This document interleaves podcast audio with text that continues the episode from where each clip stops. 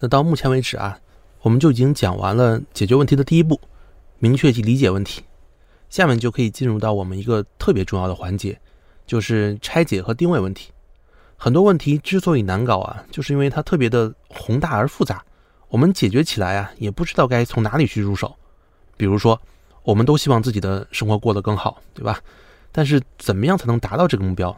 怎么解决这个问题？每个人其实都不太知道这个问题的答案。也许我们可以努力赚更多的钱，也许可以找到更好的生活方式。当然，你也可以调整自己的心态等等，这些都可能是答案，却又都不是特别完全的一个解决方案。为什么复杂问题我们总觉得解决起来就是千头万绪，找不到思路呢？其实这个答案很简单，但是也很重要，因为我们生活当中啊遇到的大多问题都是所谓的复杂问题，而不是原问题。我们来解释一下这两个概念啊。什么是复杂问题呢？就是掺杂了多个维度和变量的问题。那什么是原问题啊？就是那些最本质、最细小的待解决的问题。复杂问题其实是不可直接解决的。你每天都在应对各种各样的复杂问题的时候呢，其实都是在下意识的把这个复杂问题做拆解，然后再去一一的解决掉。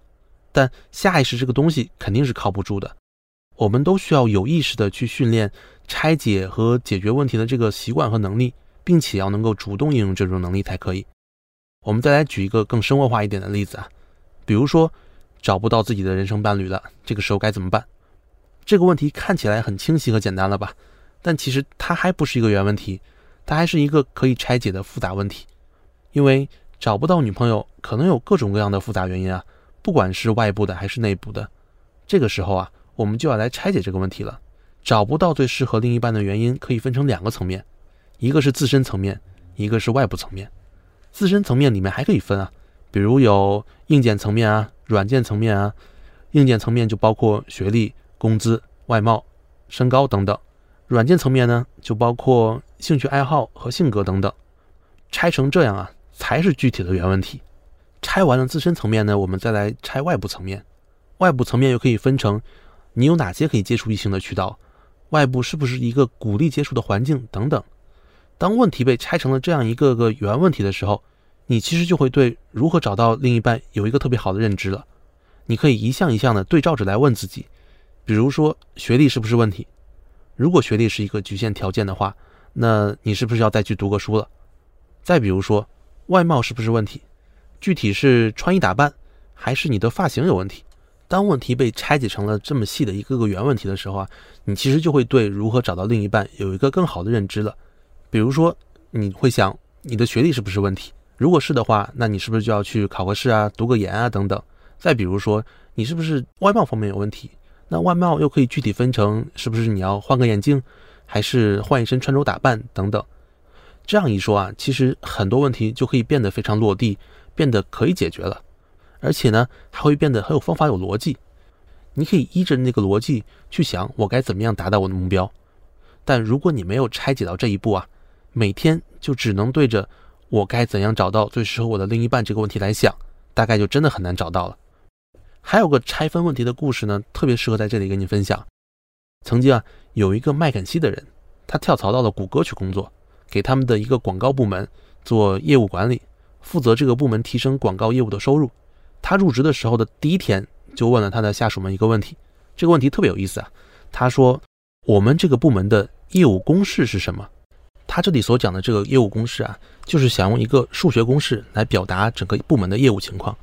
他的下属们啊就都被问懵了，他们就想：我们部门没有什么公式啊。后来啊，小师弟和他的朋友们社群专享，请于下载后二十四小时内删除。这个麦肯锡来的人。通过和整个部门的人沟通，最终得出了他们部门的一个业务公式。这个公式是什么呢？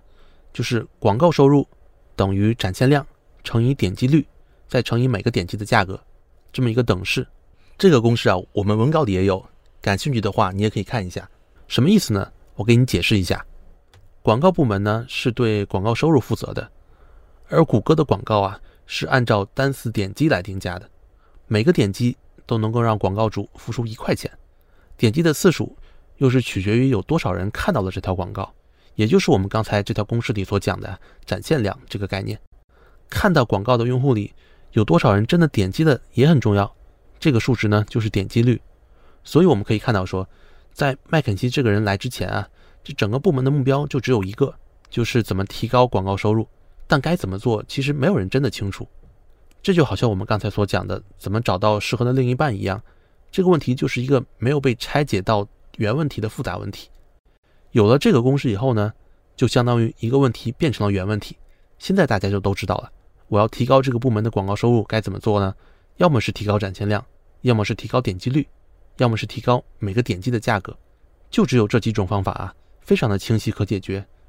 所以每个复杂问题的背后都有这样可拆分的小问题。而在业务当中，拆分而来的小问题啊，往往还有另一个词，它叫做什么呢？就是 KPI。所以，拆分问题其实就是老板们每天都在做的事情。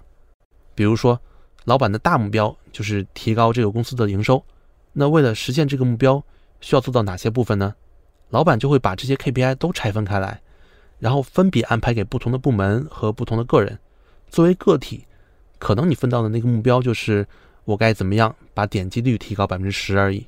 也就是说，如果你学会了拆解问题，也就学会了用你老板的思维来思考问题，这样也有助于我们反过来把很小的目标去融会贯通，用更高层的那个思维来要求自己。如果你没有掌握这个思维的话，很可能你就会被 KPI 冲昏了头脑了。这个也是我之前这么多年工作经验总结下来的一个非常有用的教训。所以你在工作和生活中也都可以问自己一个问题。这件事情的公式是什么？